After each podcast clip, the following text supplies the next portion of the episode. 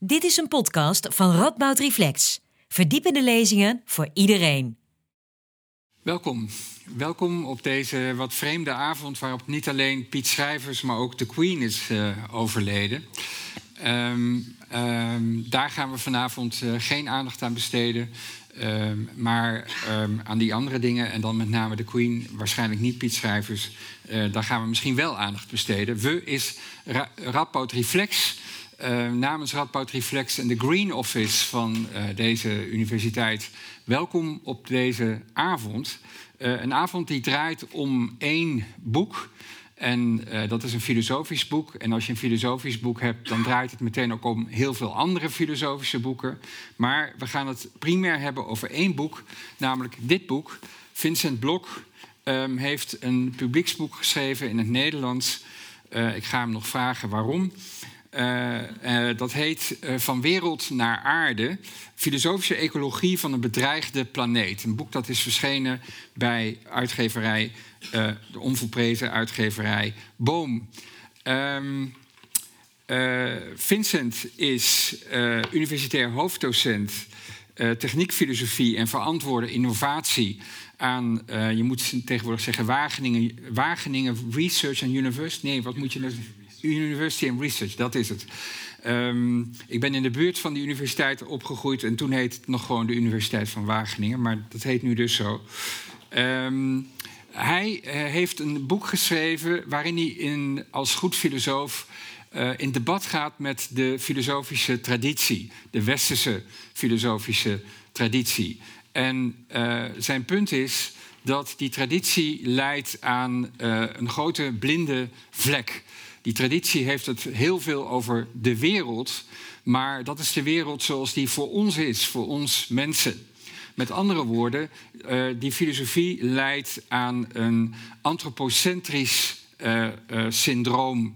En zijn hele boek draait om een pleidooi voor een wat andere blik.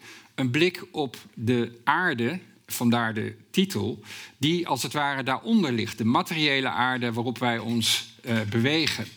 En hij neemt een ecocentrisch of geocentrisch perspectief in en ontwikkelt dat in zijn boek. En dat is natuurlijk hoogst, hoogst nodig, uh, gezien de enorme uh, klimaatcrisis waarin we ons bewegen. Dus zijn boek is niet alleen een doorwrochte uh, confrontatie met die filosofische traditie, zoals ik die net noemde, maar is natuurlijk ook uh, een zeer uh, actueel pleidooi voor een ander concept, een ander begrip van de aarde, onze omgang met de aarde, die natuurlijk nodig is in het licht van deze klimaatcrisis, waar we deze zomer ook met z'n allen nog veel meer mee geconfronteerd zijn en ongetwijfeld ook zullen worden. Um, de avond is als volgt opgebouwd. Vincent gaat ons een lezing geven op basis van zijn boek. daarna ga ik met Vincent in gesprek. En op een gegeven moment is het dan ook tijd voor jullie om een vraag te stellen aan Vincent en om in gesprek te gaan met, met hem. Daar horen bepaalde spelregels bij, maar die ga ik straks um, uitleggen. Um, tot slot, aan het eind van de avond, eigenlijk al nu, maar jullie zitten nu eenmaal hier en straks zijn jullie weer daar, daarboven, is er een boekentafel waar je het boek van Vincent kunt inzien en uh, van harte aanbevolen ook kopen. Um, van uitgeverij Boom. Ik heb niks meer te zeggen, behalve dat ik heel trots ben dat ik Vincent Blok hier kan aankondigen als spreker bij Radboud Reflex. Vincent, de floor is yours.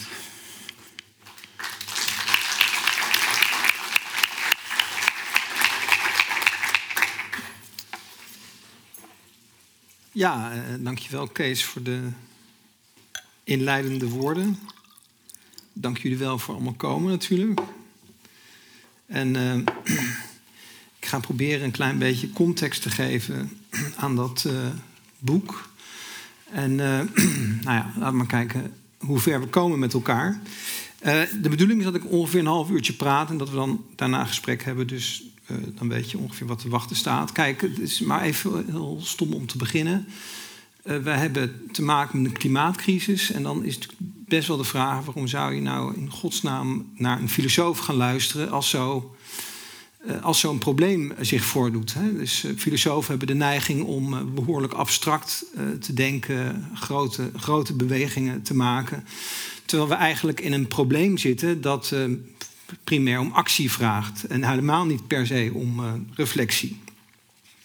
Dus het eerste wat ik eigenlijk even moet doen is om te laten zien waarom het dan toch misschien goed is om ook vanuit een filosofisch perspectief naar problemen zoals het klimaatprobleem eh, te kijken. En um, uh, dat kan ik misschien het beste illustreren doordat ik uh, kan zeggen dat klimaatverandering een metafysische ervaring van de dingen te bieden heeft. En normaal hebben we het over de fysieke, fysieke dingen, dus mensen, dingen en dieren en planten op deze wereld. Maar um, mijn bewering, dat zal ik jullie proberen ook van te overtuigen, is dat klimaatverandering niet alleen maar op dat niveau speelt, maar ook op het niveau van de metafysica, dus voorbij dat niveau van mensen, dieren en dingen. Wat is metafysica? Ik neem maar gewoon even een definitietje uit de traditie, dat is het makkelijkste. Mijn grote vriend Heidegger die zegt: uh, metafysica, dat gaat eigenlijk over het geheel van alle dingen. En het is wel zo dat ik, als degene die daarover nadenkt, in dat geheel inbegrepen zit. Dus dat is metafysica. Dus niet de dingen, maar dat geheel waar ik in opgeslokt ben. En ik kan proberen jullie te overtuigen dat ook klimaatverandering precies over zo'n geheel gaat, doordat we gewoon even proberen na te denken bij de vraag wat voor geheel nu eigenlijk aan de orde is als we het hebben over global warming. want ook het woord global of het globale lijkt een of ander geheel aan te duiden. En in de ervaring van global warming is het eigenlijk helemaal niet zo dat wij nieuwe objecten uh, tegenkomen. Het is niet zo dat er nieuwe dingen zoals regendruppels, stormen of god weet ik allemaal niet uh, op ons afkomen in global warming. Maar het is eigenlijk zo dat de betekenis van de dingen uh, de betekenis van regeldruppels, stormen, etc., dat die verandert in tijden van global warming. En dat kan je eigenlijk al heel eenvoudig ervaren aan een alledaags gesprek. Hè? Als uh, ik kom uit het westen van het land en dan regent het, en dan zeg je: God, wat, wat, wat stortregent het hier nu toch eigenlijk? En dan is het eigenlijk zo dat eh, twintig jaar geleden had je dat gesprek nog relatief neutraal kunnen voeren. Maar nu, als we dat gesprek nu voeren, of omdat het zo warm is al voor deze tijd van het jaar, of het regent zo verschrikkelijk, of, uh, of nou whatever, uh, dan is het toch eigenlijk zo dat altijd die, die klimaat en de verandering van het klimaat op het spel staat. Dat wil zeggen dat eigenlijk er helemaal niet iets veranderd is op het niveau van die regens of die, die regens of die zonnestralen, want die waren twintig jaar geleden ook. Maar dat eigenlijk de context waarin die regendruppels verschijnen en die stormen verschijnen, dat die aan het verschuiven is uh, geraakt.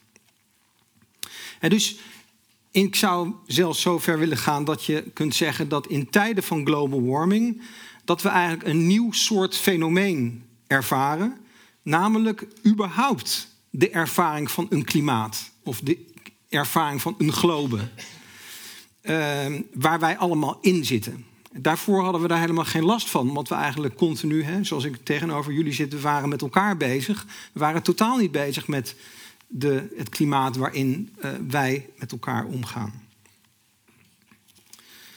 Dus je richt je normaal gesproken op, uh, uh, op mij, hè, zoals jullie hier nu zitten, of ik richt me op jullie, of ik richt me op een tekst. En eigenlijk helemaal nooit op dat klimaat wat nu zo ontzettend veel aandacht vraagt. Dus dat is de eerste. Het is eigenlijk de, de context waarin wij uh, uh, ons bevinden. En dan het tweede element, namelijk het element dat het, dat geheel metafysisch maakt.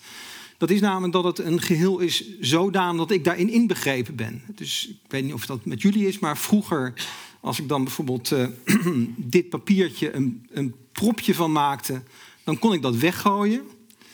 En dan dacht ik, nou, dat verdwijnt ergens. Hè? Uh, dat verdwijnt in het vuilnis of dat, nou, whatever. Maar vandaag de dag ervaren we eigenlijk dat geheel niet alleen maar zo uh, dat we in een klimaat zitten, maar ook dat daar helemaal geen buiten meer is. Hè? Elke poging om iets te externaliseren, iets weg te gooien of uh, afscheid van te nemen, keert als een boemerang terug, namelijk in termen van klimaatverandering. Dan zal dit papiertje nog wel meevallen, maar de uitstoot van de CO2 als ik hier met de auto naartoe rijd, is bijvoorbeeld ook zoiets als een uitstoot die vroeger naar de omgeving kon worden uitgestoten en waarvan we nu ervaren, nee, het is helemaal niet buiten, het keert gelijk weer terug. Dus met andere woorden, dat klimaat betreft het geheel van mensen en dingen in de zin dat we daar geen positie meer buiten dat geheel kunnen innemen.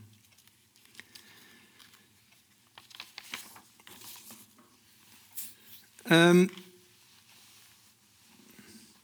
dat betekent, dat is interessant voor degene van jullie die filosoof zijn, dat mijn bewering eigenlijk is dat we we hebben dingen en we hebben mensen, zoals we hier zitten. En er is zoiets als een klimaat, er is zoiets als een metafysisch geheel of een wereld waarin we altijd thuis zijn.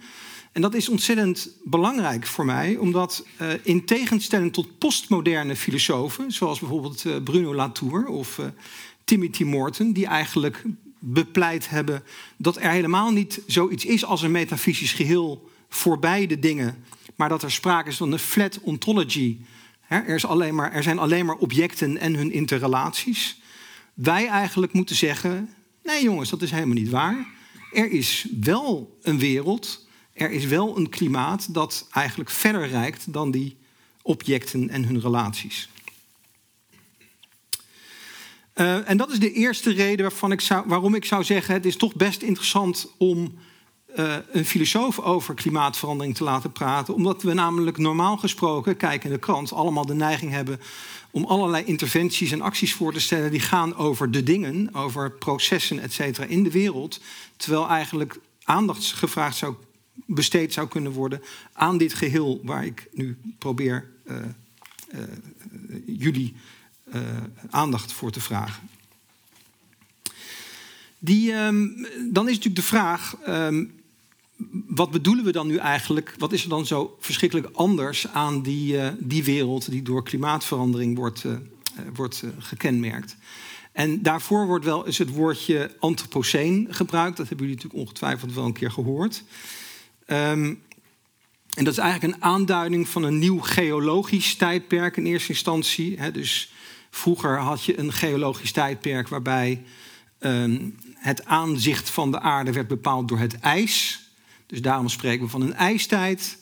En nu hebben we een tijdperk waarin we vooral worden geconfronteerd met de aanwezigheid van de mens en zijn uitstoot. En spreken we dan van een nieuwe tijd, een tijdperk uh, dat dan het Anthropoceen wordt genoemd.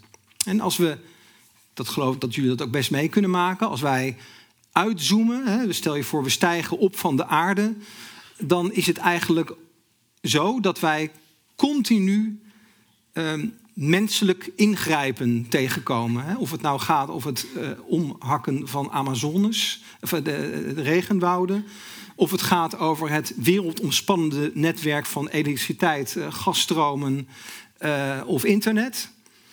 eigenlijk is het zo dat je de aarde niet meer kunt zien zonder dat daar de menselijke aanwezigheid, de menselijke interventies, de menselijke uh, bewoning van blijkt.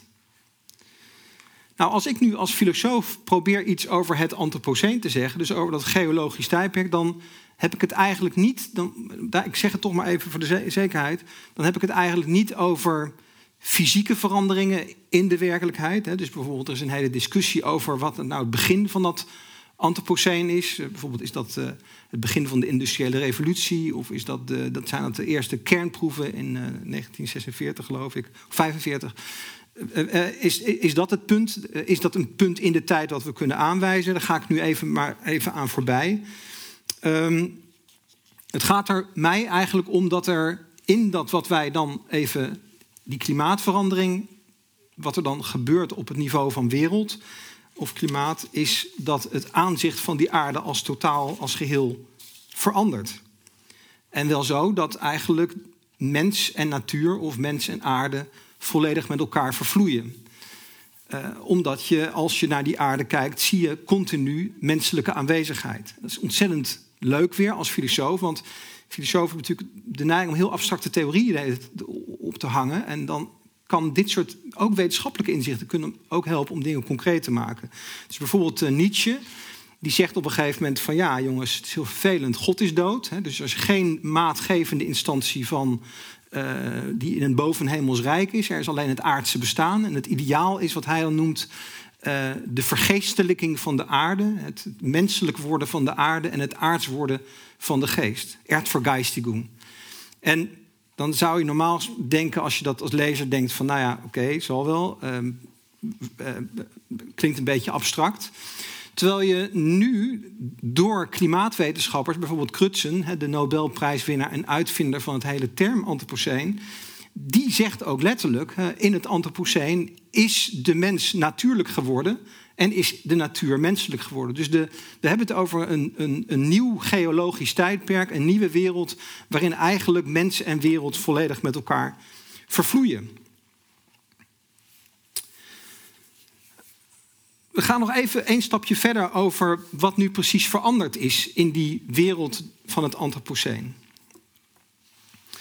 Kijk, als je normaal in de auto of op de fiets zit, dan uh, vormt die wereld waarin jij eigenlijk altijd zit een soort stabiele achtergrond waar je je nooit druk over hoeft te maken. Dus, dus toen jullie hier naartoe kwamen, toen waren jullie bezig al met jullie gedachten bij deze avond. Jullie dachten, god wat leuk, dan gaan we daarna eens, nou eens over van gedachten wisselen. Maar uh, eigenlijk lette je niet op de, de context of het milieu of de wereld waar je doorheen rijdt. En uh, dat wordt gewoon aangenomen als een stabiele achtergrond uh, waar we eigenlijk op rekenen. En ehm, het is juist dit stabiele achtergrond, dus de klimaat als wereld die een stabiele achtergrond is, die nu eigenlijk ook in termen van, van de klimaatverandering eh, ter discussie komt te staan of instabiel wordt. En dat kan je heel concreet ervaren, natuurlijk uh, in vlucht, uh, stromen van vluchtelingen. Maar ik geef even een voorbeeldje van wat, iets wat mij zelf heel erg trof. Uh, dat was twee jaar geleden dat er ergens in Scandinavië plotsklaps een stuk, een landtong van ik geloof 9 hectare afbrak. En in één keer niet alleen maar de landtong van 9 hectare, maar ook de huizen alles met huid en haar uh, meenzoog. En dan zie je dat, dat eigenlijk dat afbreken van zo'n landtong is niet alleen maar een soort gebeurtenis waarin een paar huizen uh, vergaan of meegezogen worden door de zee in dit geval. Maar dat eigenlijk dus die stabiele achtergrond waar je normaal op rekent, hè, zoals jullie vanavond naar huis gaan, ga je ervan uit dat dat ding, dat object, dat huis er gewoon nog staat. Dat je de volgende dag ook weer wakker wordt in dat huis. Precies die achtergrond en die wereld die stabiel is en waar je op rekent. Waar je ook van afhankelijk bent. Bijvoorbeeld dat die zuurstof levert, et cetera, en water en eten. Dat die uh, instabiel is geworden. Dus wat, in de, wat er nu precies veranderd is in, die, in dat antropoceen, in die wereld die we dan nu in klimaatverandering tegenkomen, is de verschuiving van een stabiele achtergrond naar een instabiele achtergrond. En daardoor, dat begrijp je natuurlijk wel, daardoor ontstaat gelijk de vraag: hoe gaan we nou in godsnaam die, die instabiele achtergrond weer stabiel zien te krijgen? Want dat is natuurlijk dan de opgave die ook rond klimaatverandering. Uh... En heeft de mens ook daar een rol in? Dus dat zie je ook in klimaatdebat, dat we natuurlijk vragen van wat is de rol van de mens om het probleem van het klimaat op te lossen. En kunnen we bijvoorbeeld naar een wereld toe die post-antropoceen is, die na het antropoceen komt. Dus dat wil zeggen eigenlijk dat klimaatverandering mij niet alleen maar gelegenheid geeft om als filosoof na te denken bij een klimaat als een metafysisch geheel, waarbij ook de filosofische traditie mij kan helpen om dat begrijpelijk te maken. Maar het is ook zo dat uh, het mij eigenlijk een heel concrete ervaring geeft van de filosofische vraag: wat is nu eigenlijk de rol van de mens? Wat is eigenlijk de humane conditie om over dit klimaat, over deze wereld na te denken.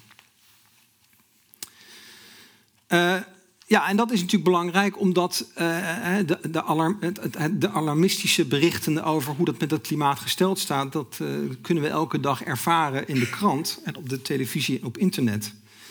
Is eigenlijk, als je kijkt naar dat debat, is het zo dat men normaal gesproken zegt, ergens rond de industriële revolutie is er een enorme, uh, is het eigenlijk de CO2-uitstoot en allerlei andere indicatoren zijn exponentieel gestegen.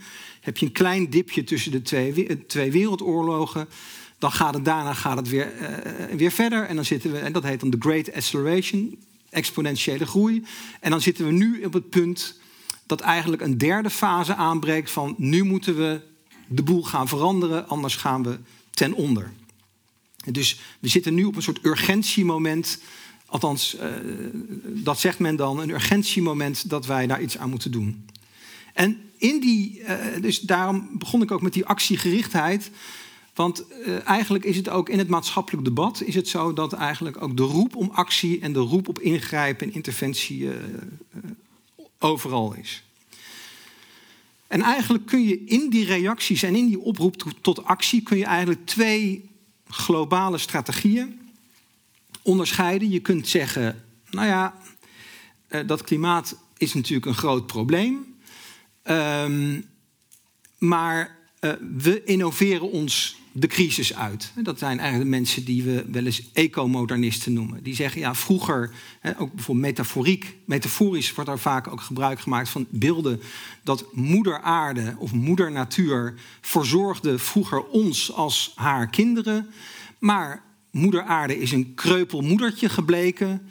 En nu moeten wij als de zonen en dochters van die natuur moeten de controle overnemen.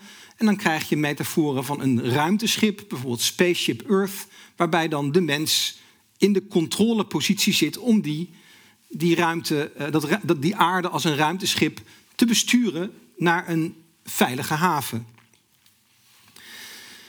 En uh, dat roept dan op tot allerlei technologische innovaties. En, en uh, dat kan variëren van, van uh, stikstofmaatregelen, maar het kan ook variëren met, met, met dat we met spiegels rond, het, rond de atmosfeer proberen het zonlicht te temperen, et cetera. Ik, ik, ik voel maar zo, we zitten hier aan de universiteit, ik voel zomaar aan dat jullie nu al denken: Getver, wat een verschrikkelijke. Wat een verschrikkelijk standpunt is dat eigenlijk van die, vuile ecomodernisten. Uh, dat die zomaar denken dat die, dat die, dat die voor de Heere God kunnen gaan spelen en de boel kunnen managen. Um, en ik heb heel veel gevoel daarvoor, voor die positie, voor, die, voor dat, die, die, die emotie ook, om, om, om daar niet uh, je thuis bij te voelen. Uh, dus wat krijg je dan? De tegenovergestelde, of de daar tegenoverliggende alternatieve benaderingswijze, die zegt, nou ja, Nee, uh, het is helemaal niet zo dat wij onszelf de, de tent uit kunnen innoveren. Wij moeten eigenlijk aan uh, zelfbeperking doen. We moeten bijvoorbeeld uh, geboortebeperking doen, ontgroeien, hè, degrowth in de economie. zelfbeheersing, minder, minder kinderen genereren en dat soort dingen.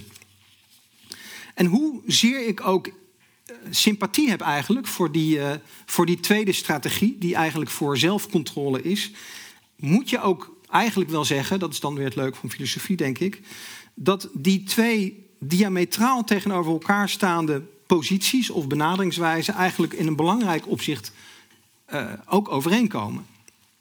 Want in, eigenlijk in allebei die strategieën wordt de mens eigenlijk beschouwd als degene die in control is of zou moeten zijn en die ook managt, die ook de manager is van de aarde.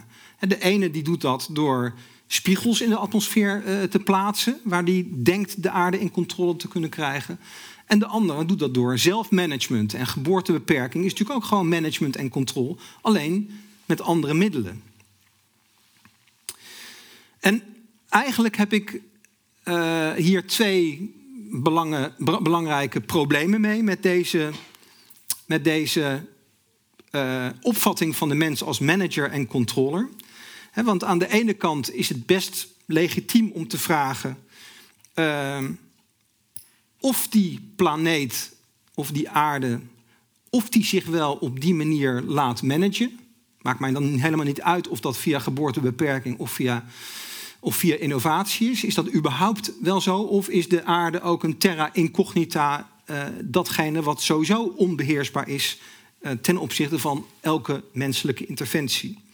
En het tweede probleem dat ik hiermee heb, ik hoop dat jullie mij dat vergeven, dat ik dat probleem heb, is dat uh, de mens eigenlijk wel best wel als een soort eco-efficiënt wezen wordt gedacht. Hè? Als ik als mens ofwel via innovatie of zelfbeperking uh, eigenlijk uh, me moet richten op het verkleinen van mijn voetafdruk, geboortebeperking en, en, al dat soort dingen, dan vraag ik me af, wat betekent het nou eigenlijk dan nog om mens te zijn? Ben ik namelijk niet ook gewoon een, een speler?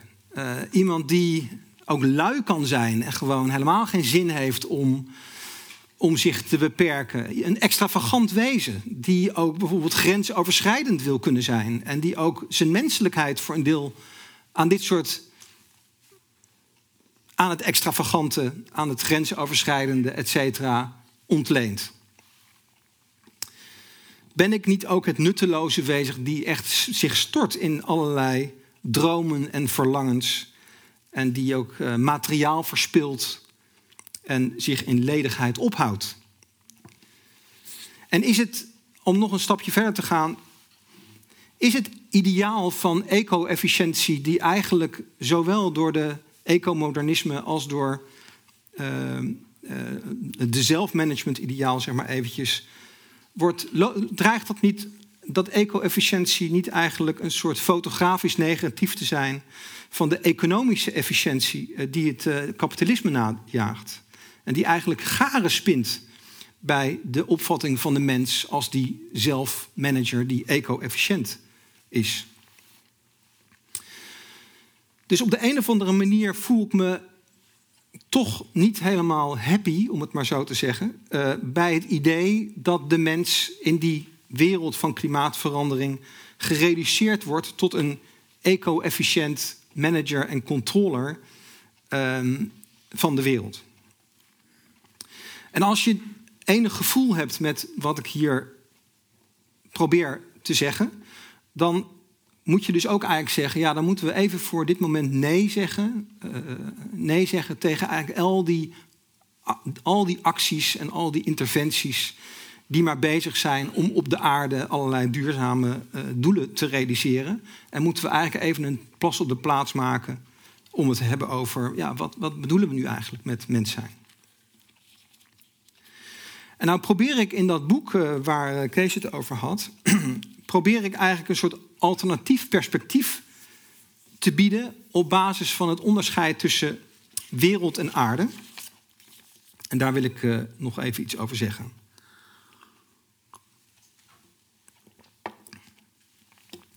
Als ik het namelijk hiervoor de hele tijd over het klimaat heb gehad als een wereld of een omgeving waarin wij thuis zijn en waarin ik inbegrepen ben, um, dan is dat eigenlijk altijd iets, een fenomeen waar ik, wat een relatie met mij heeft. Waarin ik, uh, om het filosofisch te zeggen, waarin ik intentioneel betrokken ben en wat ook daarom betekenis heeft voor mij. Maar er was ook een tijd dat er nog geen mensen waren. De aarde is ook een steen die is ontstaan in de geschiedenis van het heelal. En door een heel specifieke, ik wil niet zeggen toevallige afstand tot de zon, uh, het leven op aarde mogelijk heeft gemaakt. Dus je kunt op de een of andere manier zeggen dat de aarde als een steen die in het heelal staat, uh, dat dat de mogelijkheidsvoorwaarde is voor het überhaupt ontstaan van leven, daarmee ook van mij. Hè? Zou er geen steen zijn, dan zou ik in het luchtledige zweven, dan zou er geen mij of jullie of whatever zijn. Maar die aarde is niet alleen maar in deze feitelijke zin de mogelijkheidsvoorwaarde voor mij om te ontstaan. Het is ook de mogelijkheidsvoorwaarde voor mijn bestaan in de wereld, mijn relaties met jullie, met alle andere dingen in een betekenisvolle wereld. want het is de mogelijkheidsvoorwaarde voor mij, maar ook van de dingen en onze relaties daartussen. Dus eigenlijk is het zo dat mijn in de wereld zijn, om het maar even vanuit de fenomenologie te zeggen. Mijn betrokkenheid en mijn betekenis in de betekenisvolle wereld verankerd is in iets wat helemaal niet per se een relatie met mij heeft. Nou, in filosofische termen zou je dat kunnen begrijpen als een apperceptie van de aarde. Dus de filosofen die zeggen, als ik een perceptie heb van de dingen, bijvoorbeeld van een stoel of van een meneer tegenover mij, dan loopt eigenlijk in mijn ervaring van die meneer, loopt eigenlijk altijd al een ervaring mee, namelijk van mij, van de, van mij als degene die dit ervaart. Je zou nou kunnen zeggen, ja, eigenlijk is het zo dat um, de, de aarde, ik heb het dan even over die steen, de, als grond van de wereld waarin ik betekenisvol uh, met jullie omga, dat dat eigenlijk, de, dus mijn leven in de wereld, zo'n apperceptie van de aarde veronderstelt. De aarde als een voorwaarde voor de mogelijkheid dat ik überhaupt intentioneel op jullie betrokken ben. En het is die aarde die door middel van tsunamis, vulkanen en schuivende tektonische platen de stabiele wereld, de wereld waarin we betekenisvol met elkaar omgaan, verschuift, ter discussie stelt, disrupties uh, betekent, et. Dan nu die, de introductie van de aarde als bodem voor onze ervaring van de wereld. De ervaring van, die biedt eigenlijk een gelegenheid om, biedt mij in ieder geval de gelegenheid om aan de ene kant vast te kunnen houden aan het idee dat er een stabiele wereld is waarin ik leef. Hè? De, de schijnbare stabiele wereld waarin wij ook nu zitten met elkaar. En tegelijkertijd te begrijpen dat er een apperceptie van de aarde meespeelt die die stabiele wereld bedreigend kan vandaag de dag. En nou is het gekke, daar gaan we waarschijnlijk in de discussie nog wel op terugkomen, dat precies de filosofen, Kees introduceerde dat al, hebben een enorme neiging gehad altijd om het over die wereld te hebben. Uh, en hebben eigenlijk niet zo super veel interesse gehad, om te zeggen niet, interesse gehad in die aarde. De, gewoon de domme steenkloot die uh, in het halal uh, rondzweeft. Dat heeft ook heel iets geks, namelijk materie dat zie je bij Aristoteles bijvoorbeeld. Materie, hij heeft het natuurlijk over materie, maar materie wordt vanuit de vorm gedacht. omdat elk denken van de materie al een vormgeving is, kun je de materie volgens hem niet denken zonder de vorm. Bij Heidegger, uh, die denkt de aarde, heeft het ook over de aarde, maar die denkt die vanuit de wereld. Nietzsche, die zegt dat uh, bijvoorbeeld, uh, die noemt de mens de zoon van de aarde. Die heeft het over de ubermensch en die zegt blijf de aarde trouw. Ik denk dat Martin zo meteen nog wel iets daarover gaat vragen. Maar dat betekent dat, dat ook Nietzsche eigenlijk die aarde alleen maar denkt in relatie tot de, de mens, namelijk de ubermens. De ubermens als de zin van die aarde, volgens hem. En dat is natuurlijk voor mij als filosoof eh, belangwekkend om dan te kijken, kunnen wij als filosofen nu eens een ander weggetje bewandelen, namelijk niet vanuit de wereld waarin ik intentioneel betrokken ben en waarin de dingen betekenis hebben, waarin ik een, met de dingen waar ik relaties mee heb, kunnen we dat niet als vertrekpunt nemen, maar kunnen we de aarde waar ik geen, niet primair een relatie mee heb, of niet in eerste instantie een relatie mee heb, proberen te denken. Um, en dat is misschien een van de latere, laatste punten die ik wil maken voordat ik stop. Hè? Dus wat, wat, je zou, als ik het heel oneerbiedig zeg, kunnen zeggen dat klimaatverandering een feest is voor de filosofie. Omdat klimaatverandering dus heel gek in de huidige tijd ons alert maakt op een geheel van de dingen, een metafysisch geheel van de wereld. Maar ook dat die klimaatverandering eigenlijk een nieuw fenomeen uh, naar voren haalt, namelijk de aarde als mogelijkheidsvoorwaarde voor ons in de wereld zijn. Wat we eigenlijk dus pas kunnen zien dankzij de klimaatverandering die die wereld destabiliseert. Um, mijn hypothese is eigenlijk, die ik ook uitwerk in het boek, dat die, dat die een filosofische bezinning op de verhouding tussen aarde en wereld een andere weg zal kunnen openen voorbij de opvatting van de mens als manager of controller, omdat de aarde helemaal niet iets is wat in controle te krijgen is, maar juist datgene is dat via vulkanen en tsunamis, et cetera, uh, onze stabiele wereld uh, uh, ter discussie stelt en ondermijnt. Dat betekent niet, even voor de goede orde en ook om veilig naar huis te kunnen, dat ik zeg, mensen laten we de chaos omarmen. Maar dat betekent dat wij eigenlijk moeten nadenken over de verhouding tussen de stabiliteit van onze manier waarop we in het leven, in ons leven, in de wereld, in het klimaat zijn, dat verankerd is eh, op de instabiliteit van de manier waarop we op aarde zijn. Um, we leven in een bedreigde wereld. Hè? Dus het is niet zo dat ik zeg, uh, uh, acties zijn niet nodig. Hè? De, rol van de filosoof is alleen misschien niet om die acties uh, te initiëren of te vertellen welke kant het op moet, maar ons te bezinnen op een alternatief of, of een manier waarop we onszelf eigenlijk vanzelfsprekend verstaan en begrijpen in die discussie. We leven feitelijk in een bedreigde wereld. Maar in plaats van de omarming van een houding van management en control als human condition of menselijke conditie, biedt het onderscheid tussen aarde en wereld gelegenheid om de mens misschien veel meer te begrijpen als anarch, als outsider, als degene die aan de ene kant thuis is in een wereld, maar aan de andere kant altijd dwars staat op die wereld. Zelf doe ik, eh, daar kan ik vanavond niet op ingaan, maar dat, eh, doe ik bijvoorbeeld allerlei onderzoek waarin ik probeer dit idee van aarde en wereld te operationaliseren. Bijvoorbeeld uh, door te kijken naar biomimetische technologieën, dus technologieën die op de een of andere manier de, het disruptieve karakter van de natuur of de wildheid van de natuur zelf proberen te adopteren in plaats van buiten te sluiten. En ik denk dat in die mogelijkheid van een wereld, een aarde en een mens voorbij management en control eigenlijk ook de urgentie ligt van filosofisch nadenken in de huidige tijd. Ik dank jullie wel voor je aandacht.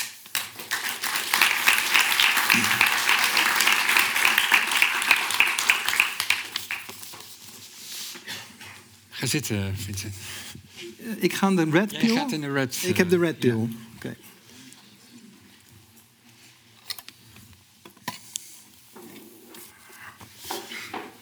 Ik moet uh, twee dingen zeggen. De eerste is dat mijn naam Kees Leijners is, dat was ik vergeten. En het tweede is dat ik met mijn been omhoog ga omdat ik een wondroosinfectie aan mijn been heb. En ik ben heel dankbaar dat er moderne technologie is in de vorm van antibiotica. Um, uh,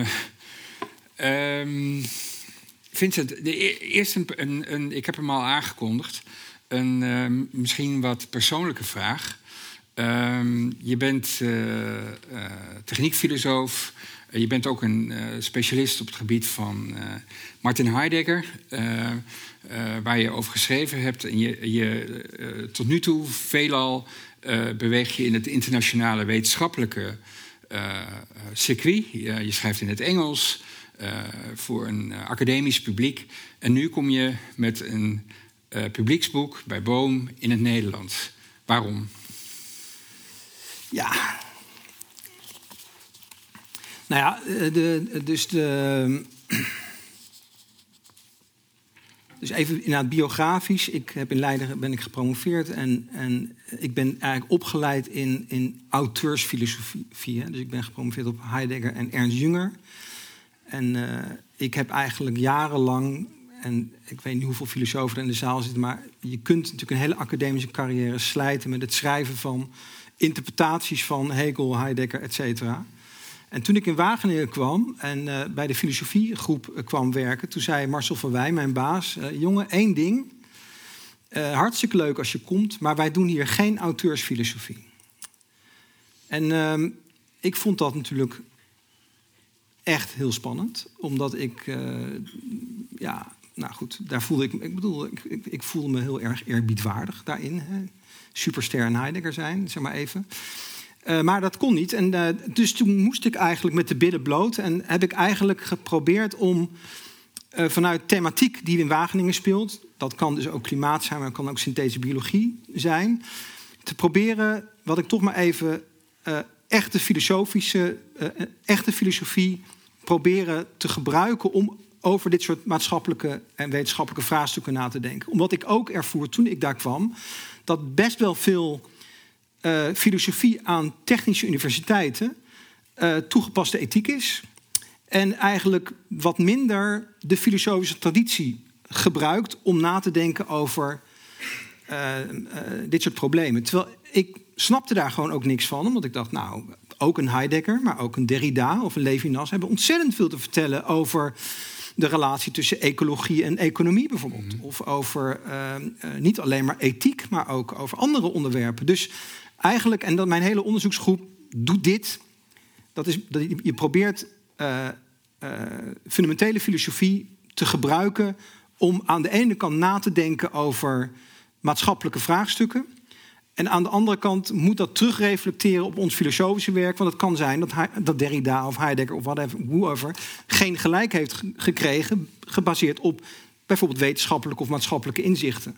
En in dat kielzog van die nou ja, ja, persoonlijke uh, oriëntatie in mijn onderzoek heb ik een uh, cursus. Zo is het boek eigenlijk ontstaan. Heb ik een cursus inleiding in de filosofie voor niet-filosofen gemaakt die ik een aantal jaar in Wageningen heb gegeven. En daar komen allerlei, want we hebben geen filosofieopleiding, komen allemaal techneuten, noem ik ze maar. Die komen daar dat vak volgen. En ik heb eigenlijk geprobeerd, ik dacht, dat vond ik, ik vond het ontzettend leuk, namelijk om te doen, kan niet anders zeggen. om proberen het zo te doen dat ik dat publiek, die, die studenten meekrijg. En nou, ja, vandaar dat ik ook gemotiveerd was om dat dan op te zetten voor een boek. En ik kan niet, ik kan niet anders zeggen dan dat het een heel ander soort ervaring is dan een academisch boek.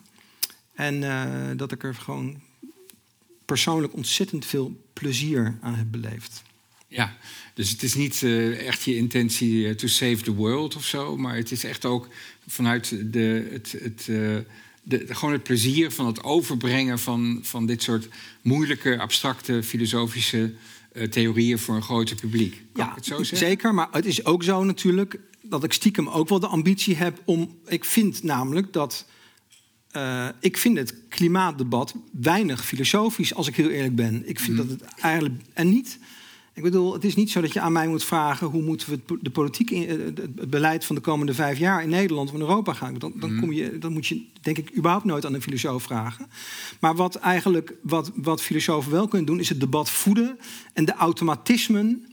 om een voorbeeld te noemen, het auto, eh, een beetje de, de tendentie tot, tot bijvoorbeeld totalitaire maatregelen in een klimaatdebat, waarbij toch ook belangrijke waarde van, van wat het betekent om een vrij burger te zijn of, een, om, of autonoom te zijn, eigenlijk minder aandacht krijgen. Terwijl ik vind dat we daar gewoon wel over moeten reflecteren, wel over moeten nadenken. Whatever dan ook de publieke opinie of de politiek beslist om dan uiteindelijk te gaan doen. Mm als we die nou eens even oppikken. Ja. Um, uh, jij uh, argumenteert eigenlijk voor een soort totaalvisie. Hè? Je hebt het ook over uh, dat perspectief op het geheel en niet op de, de objecten. Je had het over objecten, mensen, dieren. maar dat we eigenlijk door die klimaatcrisis. je had het over metafysische ervaring. dat we wakker worden voordat er überhaupt een geheel is. Een totaliteit noem je dat in de, in de filosofie. Tegelijkertijd zeg je, ik zou zeggen, zo'n totaliteit en zo'n probleem aan de totaliteit vraagt om, zeg maar, even totalitaire um, antwoorden. En dan even niet de politiek op zich, maar gewoon in, he, normaal, uh, dus, oplossingen die voor het geheel gaan. Staat dat niet op een gespannen voet, inderdaad? En, en uh, is, is het niet eigenlijk onvermijdelijk om over uh, lokale democratie en, en, en, dergelijke heen te gaan en te zoeken naar dit soort inderdaad bijna totalitaire oplossingen. Is die klimaatcrisis niet zo urgent dat we onze vastgeroeste ideeën over politieke vrijheid en democratie, dat we die een beetje opzij moeten schuiven? Ehm, nou ja, uh, dus. Kijk, ik kan, er dus, ik, kan er, ik kan er natuurlijk helemaal niks aan doen, jullie trouwens ook niet, dat er opeens een ervaring is van het geheel. Dus dat dat er nou eenmaal is. Hè? En dat het gewoon zo is dat ons gedrag hier effect heeft aan de andere kant van de wereld. Uh, bijvoorbeeld omdat gewoon een, een, eiland in de Stille Zuidzee gewoon onder water verdwijnt door ons gedrag. Mm -hmm. Dat is nu eenmaal zo. Dat kan, uh, ja. um, de tendentie is, ik vind dat dus vrij ongereflecteerd, uh, is om in een soort, ja, wat we dan maar even solutionisme noemen, om in een soort oplossingensfeer te gaan uh, denken van hoe, hoe zullen we dat varkentjes even wassen met elkaar. Terwijl je je moet afvragen, uh, je moet eigenlijk voordat je dat doet, moet je een aantal vragen stellen. Dat is wat ik probeer te doen. Dus niet per se mee te gaan in een soort totalitaire beweging, maar bijvoorbeeld jezelf af te vragen: denk jij nou eigenlijk dat de aarde, dat, dat, dat die überhaupt iets is dat op deze manier onder controle gehouden kan worden. Mm -hmm. Stel je voor dat we dat met z'n allen zouden willen. Nog even gezien of, of we die ambitie zouden willen hebben. Uh, zou, hebben we nou aanleiding om te denken dat het ook kan? Uh, die vraag wordt eigenlijk in mindere mate beantwoord, omdat wij eigenlijk geneigd zijn, uh, je zou bijna zeggen, de geesten worden rijp gemaakt om, om in dit soort globale uh, oplossingen te zitten. Als Pakistan overstroomt, dan zeggen zij: wij stellen het Westen aansprakelijk voor wat hier gebeurt. Nou, de volgende stap is dat uh, India of Pakistan zeggen: weet je wat wij gaan doen? Wij schieten uh, paraplu's, ja. zonnereflectoren de, de atmosfeer in. wat een enorm effect zou, zou kunnen hebben, dat weten we namelijk helemaal niet. bijvoorbeeld over, op het klimaat hier in het Westen. Mm -hmm. Dus ehm, dat legitimeert ook zo'n totalitaire tendens. Terwijl tegelijkertijd ik niet geloof, of niet zomaar geloof, dat uh, je dan op een juiste manier over de aarde of over de wereld, over mens zijn nadenkt. En dat is denk ik mijn rol. Mijn rol is niet om, uh, om, ja, om, om, om vragen te stellen waarom eigenlijk er een soort tendens tot, uh, tot technologische oplossingen Waarom is technologie eigenlijk altijd de oplossing? Dat is toch heel gek eigenlijk? Mm -hmm. um, waarom wordt technologie altijd met economie in verband gebracht? Hoezo eigenlijk? Um, um, uh, waarom denken we dat, dat problemen op deze schaal oplosbaar zijn? Terwijl we ook allemaal weten hoe fluïde interdependenties werken, uh, complexiteit, daar weten we ook heel veel van af. Dus dat is de type van vragen die wij als filosofen, denk ik, moeten opwerpen voor het maatschappelijk en het publieke debat. En uh, ja, dan, dan, dan kan ik daarnaast als persoon een opvatting hebben uh, en zeggen: Nou, ik ben eigenlijk toch iets te liberaal om, uh, om voor totalitaire maatregelen te, te pleiten. dat is eigenlijk dan van secundair belang. Mm -hmm. Pratende over die technologie. je had even in, in, je lezing stipt je het kort aan in je boek, heb je het uitvoeriger over, over die biomimetische uh, technologie. Dus waar je, waar, je, waar je mee bezig bent. ik, heb, ik, ik kreeg het gevoel van ook weer een spanning hier. omdat je enerzijds heb je sterk een pleidooi om de aarde te zien als iets wat we niet kunnen beheersen. Hè. Je had het over de tsunamis, dat, dat verhaal over Noorwegen. Hè, dus die, dat, die huizen die in de zee verdwijnen en zo. Um, uh, iets wat niet te beheersen valt, wat, wat vanuit zich uh, ons overrompelt en steeds meer gaat uh, overrompelen. Aan de andere kant zet je dus wel in op een vorm van technologie. dat is dus ingrijpen van de mens in de wereld of in de, in de aarde. maar hoe zit dat nou? Ja. Moeten we nou het een of moeten we nou het ander? Ik, ja. zie, ik ja. heb een moeilijkheid om die twee samen te denken. Goed. Ja. kijk, dus Even voor de, de mensen die het niet kennen, het is echt uber sexy. Biomimetische technologie. Ik bedoel, kijk op internet. Je, je, ja. je, denkt, dit is, de, dit is de toekomst. Het is echt uber gaaf. Maar waar ik het. Uh, dus je hebt allerlei voorbeelden die uh, van, van, van, uh, van zwempakken geïnspireerd op haaienvinnen en, en, en, en, en treinen met neuzen die de de Kingfisher uh, nabootsen. Dat, is eigenlijk, dat is eigenlijk de manier waarop wij het normaal kennen. Maar er zijn ook vormen van biomimetische technologie, waarbij eigenlijk die technologie probeert uh, uh, onbeheersbare ecosystemen te integreren of na te bootsen in ontwerp. Dus één voorbeeld vind ik een heel erg leuk voorbeeld. Uh, dat is bijvoorbeeld een, een, een, een waterzuiveringsinstallatie. Hè. Dus wij hebben in Nederland ook allemaal waterzuiveringsinstallaties die eigenlijk op basis van filtersystemen, chemicaliën, et uiteindelijk proberen water zuiver te maken. Maar er zijn ook systemen die eigenlijk wilde ecosystemen gebruiken om water, vuil water langs bepaalde bassins te voeren en daarmee dat water te zuiveren. En het interessante daarvan is, is dat, dat omdat dat wilde ecosystemen zijn, dus ook in de open lucht, dan gaan die ecosystemen gaan een relatie aan met de plaatselijke of lokale ecosystemen. Dus de designer, wat is een designer? Een designer die heeft de opdracht om een ontwerp te maken van een, dat een probleem oplost, is eigenlijk ook verantwoordelijk om dat in, in gareel te houden, in, uh, onder controle te houden. In dit geval lukt dat gewoon eigenlijk helemaal niet, want dat ding, die, dat systeem, dat doet zijn ding alleen maar doordat hij wild, vrij is. En ook onbeheersbaar is in zeker opzicht, of tot een bepaalde mate. Mhm. Nou, dat is uh, een voorbeeld waarom, wat mij voor ogen staat als je het hebt over wat zou nou het inspirerende kunnen zijn van biomimetische technologie, is dat die niet helemaal meer gericht is op controle, het beheersen van een systeem, maar eigenlijk gebruik maakt van variëteit, uh, of een pluralistische opvatting van, van natuur-technologie-integratie. Mhm.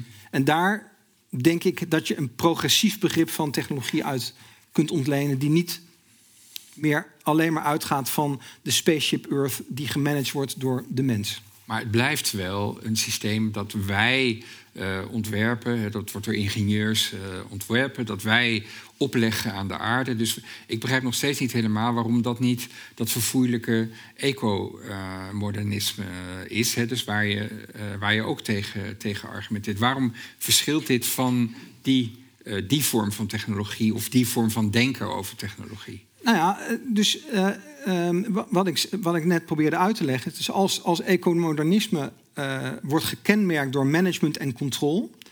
Uh, dus het beheersen van het systeem, waarvan de vraag is of het ooit lukt, ja. uh, omdat het een onbeheersbaar systeem is, zou de ambitie van biomimetische technologie zijn dat je dus toelaat dat je niet geheel in controle bent. Hè, want het zijn lokale ecosystemen of wilde ecosystemen die worden ingebracht. En dat je uh, ook als, als mens, als humane actor, uh, voor een deel afhankelijk bent van wat daar gebeurt. Mm -hmm. Dus daar, daar zou ik ideaal het verschil zien tussen die twee.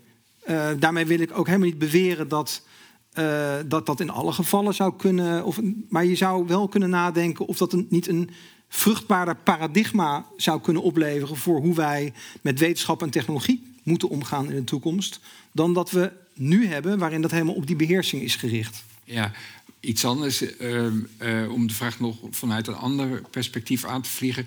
Uh, ecomodernisme heeft ook vaak iets van optimisme. Hè? Dus we, we kunnen het aan, zeg maar. Ja. Hè? we zijn in grote problemen en antropoceen en door de mens veroorzaakte catastrofes. Maar we can fix it. We, we, techno-fixes.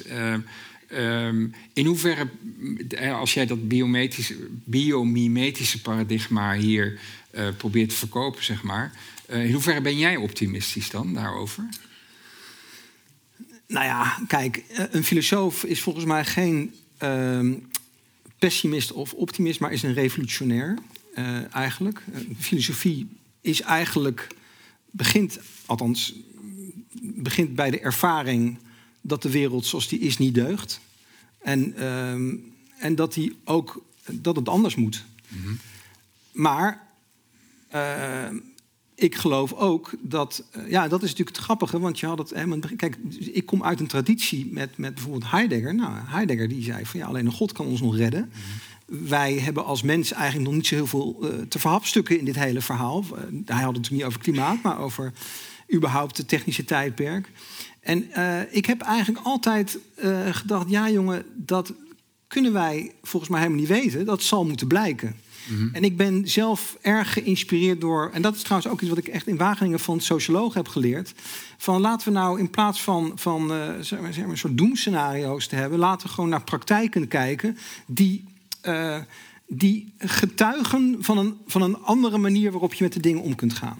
En dan zullen we vanzelf zien Dus je hebt ook duurzaamheidsinitiatieven. We zullen vanzelf zien of het eigenlijk gewoon te reduceren valt tot, uh, uh, tot een marketingstrategie of tot greenwashing. Of dat het echt getuigt van een andere praktijk, een andere omgang met de dingen. En ik ben dus, dus ik vind ehm, biomimicry vind ik nou typisch zo'n soort praktijk. Die, die bedoel, het is aan de ene kant bij de volksmond is hartstikke populair, maar kom er ook niet te veel aan bij de engineers, want die, die, die doen er huis niet allemaal heel veel enthousiast mhm. over.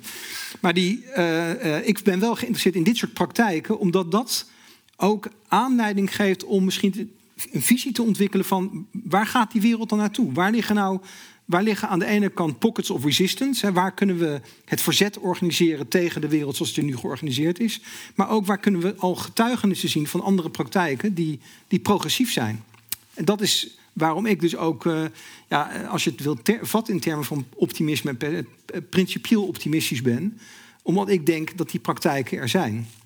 Alleen moeten we misschien zoeken en ook maken. Ja, wauw.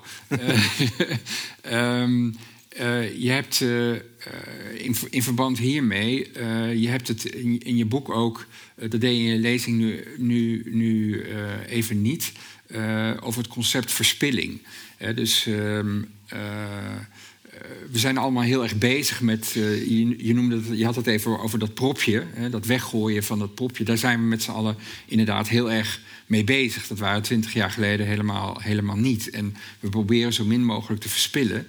dus ook daar neem je als filosoof dan deze revolutionaire positie in, waar je zegt: ja, maar de mens is eigenlijk überhaupt een verspillend wezen. Kun je Um, hoe, hoe, verhoudt dat zich tot jouw uh, optimisme? We zitten hier in een katholieke universiteit, dus ik kan wel zeggen... Nee, dat zijn we niet meer. Oh, sorry. nou, dan, dan, geef ik het voorbeeld van Onan, die zijn zaad rijkelijk over de houten vloer laat lopen uit de Bijbel. Maar even niet als voorbeeld, maar dat is een voorbeeld van verspilling, van oerverspilling, zeg maar even. En eigenlijk is het idee dat. Uh, nou ja. Uh, uh, kijk naar, uh, kijk naar de, de rol, rol, van kunst en de rol van, van extravagantie, van grensoverschrijding. De ervaring, trouwens ook de ervaring in het maatschappelijk debat van waarin mensen ervaren dat zij niet in één omsloten identiteit, niet één, één omsloten identiteit hebben, maar dat zij eigenlijk dat je fluïde bent in de zin dat je ook uh, activiteiten kunt ondernemen uh, die, die, die ook uh, met transformatie, metamorfose, et cetera. Ja, dan kunnen we wel net doen alsof dat niet gepaard gaat met een zekere mate van verspilling. Dat is volgens mij zo. Dus ik denk dat het een moeilijk verhaal is als je, als je zegt wij, wij, wij kunnen de mens geheel begrijpen in een eco-efficiënt efficiënte manier. Wat ik interessant vind om dus aan de ene kant te zeggen of we die verspilling nou zien in de zin van genieten, hè, het exorbitante leven, wat je ook wil, soms wil leiden. Ik bedoel, ik, ben, ik begrijp me goed, ik loop niet de hele dag met pauwenveer rond. Maar, maar hè, het is ook iets van de menselijke conditie, ben ik, ben ik bang. Uh, maar je zou kunnen zeggen, waarom is het eigenlijk zo dat, uh, dat wij uh, geneigd zijn om te denken over eh, klimaatverandering en, het efficiënt maken van dingen. Terwijl je, uh, je zou ook, uh, dat heeft ermee te maken dat wij natuurlijk een ex exponentiële groei nastreven. Nog meer consumeren, nog meer vakanties en al dat soort dingen. Zou je nou niet ook op een kwalitatieve manier kunnen denken over groei? Bijvoorbeeld, jij bent filosoof. Hè? Het streven, het verlangen naar kennis. Hè? Je kunt verlangen naar Ibiza, wat sommige mensen hebben, ik niet. Maar je hebt ook mensen die verlangen naar kennis of schoonheid. Dat is een, je, je, je, verspilt een enorme energie, jij, ook jij Kees, een enorme hoeveelheid energie om dat, dat verlangen te, te, te dienen.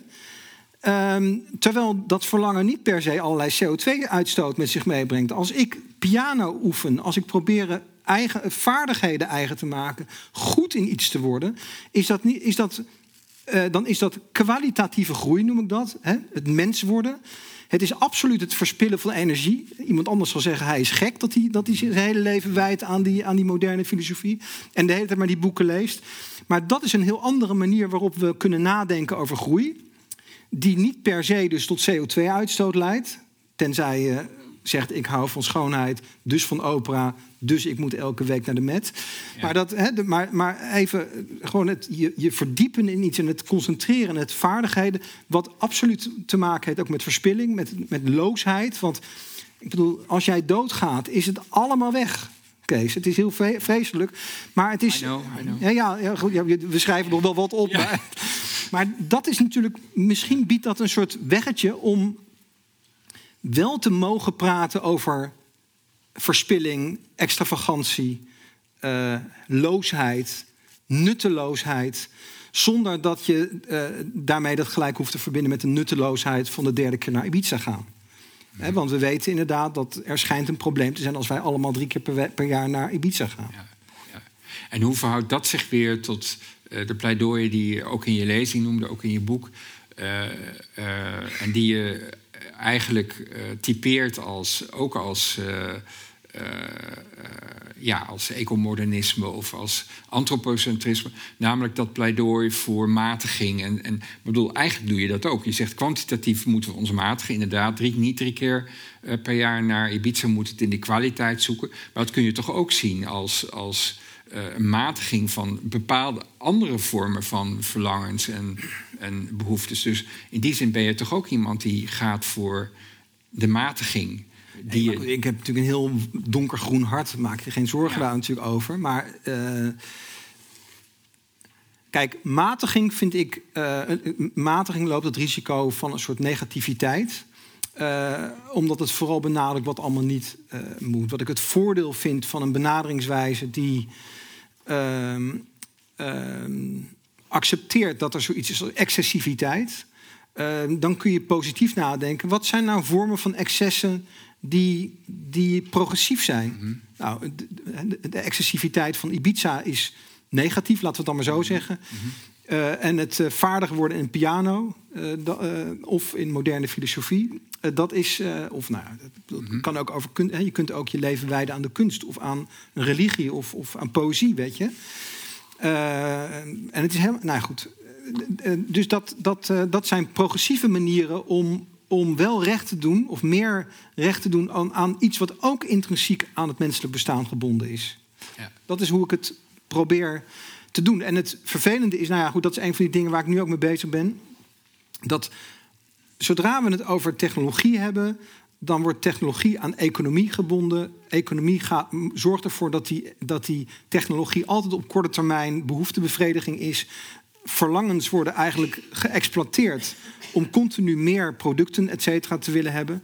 Terwijl je ook zou kunnen zeggen, het verlangen, wat menselijk, wat, het verlangen dat menselijk is en wat geëxploiteerd wordt door de economie, zou je ook, die verlangens kan je ook kanaliseren in een andere richting, richting, namelijk in het verlangen naar vrijheid of het verlangen naar kennis. En, en, en het verlangen naar kennis hoeft niet per se alleen maar vanuit een neoliberaal of een kapitalistisch economisch systeem te, gedacht te worden. Dus daar liggen ook ruimtes. Maar goed, hier ben ik nog allemaal mee bezig. Dit staat ook niet zo erg in het boek. Dus het boek volgende waar ik mee bezig ben. Ja, ja. Ehm, eh, even, even een ander spoor. Eh, je, begon, eh, je begon eigenlijk je lezing met het wegzetten van twee filosofen, Timothy Morton en Bruno Latour, als postmodernisten. Ehm, eh, we hebben hier, ik heb hier een collega, eh, Arjen Kleinerenbrink, die heeft ook bij Boom een boek over Bruno Latour ehm, eh, geschreven. Dus ik heb van hem veel, veel geleerd daarover. Nou begreep ik dat juist deze, had, ik begrepen, maar ik heb het blijkbaar verkeerd begrepen, dat ook juist deze Bruno, Bruno Latour aandacht vraagt voor de aarde, eh, Gaia Sophie eh, en, en dat soort dingen. Eh, kun je nog even uitleggen waarom hij dan zo'n verfoeilijke Ja, nou, ik, moet dat, ik mag dat ook nooit voor mezelf doen. En dan heb ik het toch. Terwijl ik het had voorbereid, om dan, eh, neem ik me zo voor om dan niet onaardig te doen over andere mensen. En dan zit er dan klaarblijkelijk zoveel haat in mij dat ik dat dan toch even moet doen. Dit is nou echt verspilling van energie, maar ik ga het dan toch. eh, Kijk, en ik, want het wordt ook nog het wordt opgenomen, dus ik moet uitkijken Ja. wat ik zeg. Ja, absoluut. Ben ik, zo, dan word ik, ben ik de Sjaak. Ehm, kijk, eh, waarom is Bruno Latour, geweldige filosoof, beroemd geworden? Dat is met een actor-netwerktheorie. En dat wil eigenlijk zeggen... ehm, eh, de dingen zijn geen dingen en de mensen zijn geen denken, maar mensen, maar er zijn interrelaties. En interrelaties constitueren de wereld zoals we die, die kennen. Nou, dat wil zeggen eigenlijk dat je een relationele ontologie hebt waarin je zegt: de mens kan je nooit zonder de dingen en de dingen kan je nooit zonder de mensen denken. En eigenlijk kan je heel even in dat schemaatje, als je het heel schematisch uh, houdt met wat ik vandaag heb betoogd, als je het hebt over aarde en wereld, dan is het eigenlijk zo dat dat hele interrelationele, dat die relationistische, eh, relationele ontologie, die kun je eigenlijk helemaal parkeren aan het, op het niveau van die wereld, waar die filosofen altijd over na hebben gedacht. Want die wereld is gewoon het ecosysteem waarin wij hier in deze ruimte zitten en waarin wij intentioneel op betrokken zijn. Dus wij leven hier van dit systeem van relaties. Terwijl de aarde waar ik uh, het over had, dat is helemaal niet iets waar jij een relatie mee hebt. En al, ook al heb jij een relatie met die aarde, die aarde heeft al helemaal geen relatie met jou. Die aarde was er ook al gewoon voordat jij er ooit kon wezen. Dus het is niet zo dat de aarde een soort interrelationeel iets is. Nee, de aarde was er al, is een soort is een absolute voorwaarde voor het ontstaan van welke relationaliteit ook. En aan de ene kant heb ik iets wat bezwaar tegen mijn gewaardeerde collega's, omdat uh, eigenlijk die hele relationele uh, ontologie van de actor-netwerktheorie eigenlijk uh, zegt alleen maar relaties nodig hebben en niet zo'n begrip als wereld. Terwijl ik denk dat je bijvoorbeeld wil je het verschil tussen het antropoceen als tijdperk en het holoceen, het voorliggende tijdperk, dan moet je een metafysisch begrip, dan moet je iets aannemen, semantisch, iets aannemen voorbij de dingen en hun relaties. Dus dat is mijn probleem één. En probleem twee, dat is een beetje onaardig, maar kijk, uh, Latour heeft zich nooit eigenlijk in eerste instantie over aarde of natuur of Gaia, et cetera, bekommerd, zeg maar even. Mhm. Komt dan als een, komt als een konijn uit de hoge hoed, komt er dan aan, op een gegeven moment komt de aandacht daarvoor uh, met, uh, met Lanvlok, et cetera. Maar dan is het, heeft hij het eigenlijk wel de hele tijd over aarde en, en Gaia. Maar in mijn begrip heeft hij het eigenlijk over de wereld. Want het is gewoon datgene waar wij relationeel in betrokken zijn. Mhm. En dat is helemaal niet de aarde, want die is, die, is, die is niet relationeel in die zin. Dat is eigenlijk mijn, uh, mijn uh, nou ja, kritiek. Ja, en, en kun je dan nog eens uitleggen. Uh, heb je al gedaan, maar ik, ik, denk dat het in dit verband goed is om, daar, om dat nog een keer te doen. Uh, dat is dus een verschillend perspectief, filosofisch perspectief. Hè. Dus uh, Boone Latour zit in dat interrelationele. Jij uh, pleit voor een visie waar je gaat voorbij die relaties en op die aarde zelf.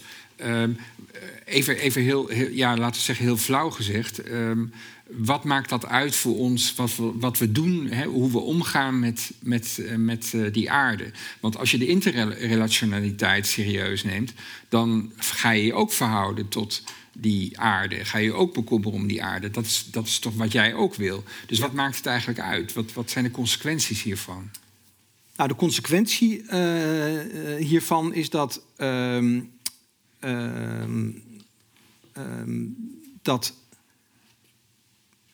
ehm, door, door eigenlijk te zeggen ons in de wereld zijn of onze, onze uh, in een ecosysteem verkeren, is eigenlijk nog iets, in, iets ingebed waar wij weg van zijn.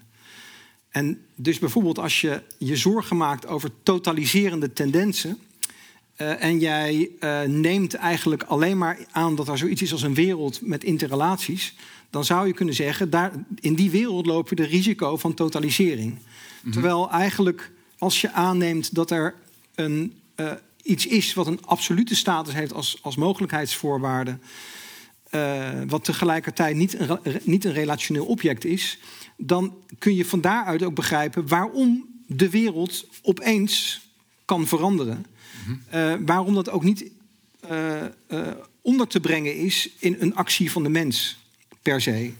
En dat is denk ik het, ook het theoretische voordeel, omdat je namelijk daarmee een aantal problemen zeg maar, kunt oplossen die je anders, ja, anders moet wegverklaren. Zoals?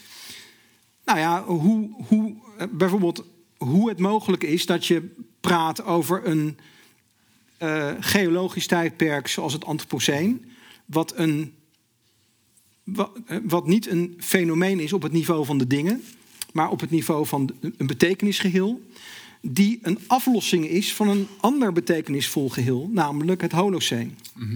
En dat er dus een geschiedenis is van de dingen, de objecten, de mensen, de dieren, et cetera. Een, gewoon een, chronologische geschiedenis. Maar dat er dus ook een, klaarblijkelijk een geschiedenis van tijdperken is... die niet tot die dingen te reduceren zijn. Nou ja, ik denk dat... Goed, maar ik, bedoel, ik wil helemaal niet claimen dat ik nou... De, je vroeg ernaar. Ik, ik zei al dat ik het helemaal niet van mezelf mocht eigenlijk. Ik wil helemaal niet ontzettend onaardig doen over Latour. Maar ik denk dat dat een van de dingen is waar zo'n filosoof moeite mee heeft om om dat te kunnen uh, duiden of te kunnen accepteren dat er omslagen zijn in dit soort tijdperken. Ja, oké. Uh, Vincent, heel erg bedankt. Groot applaus voor Vincent.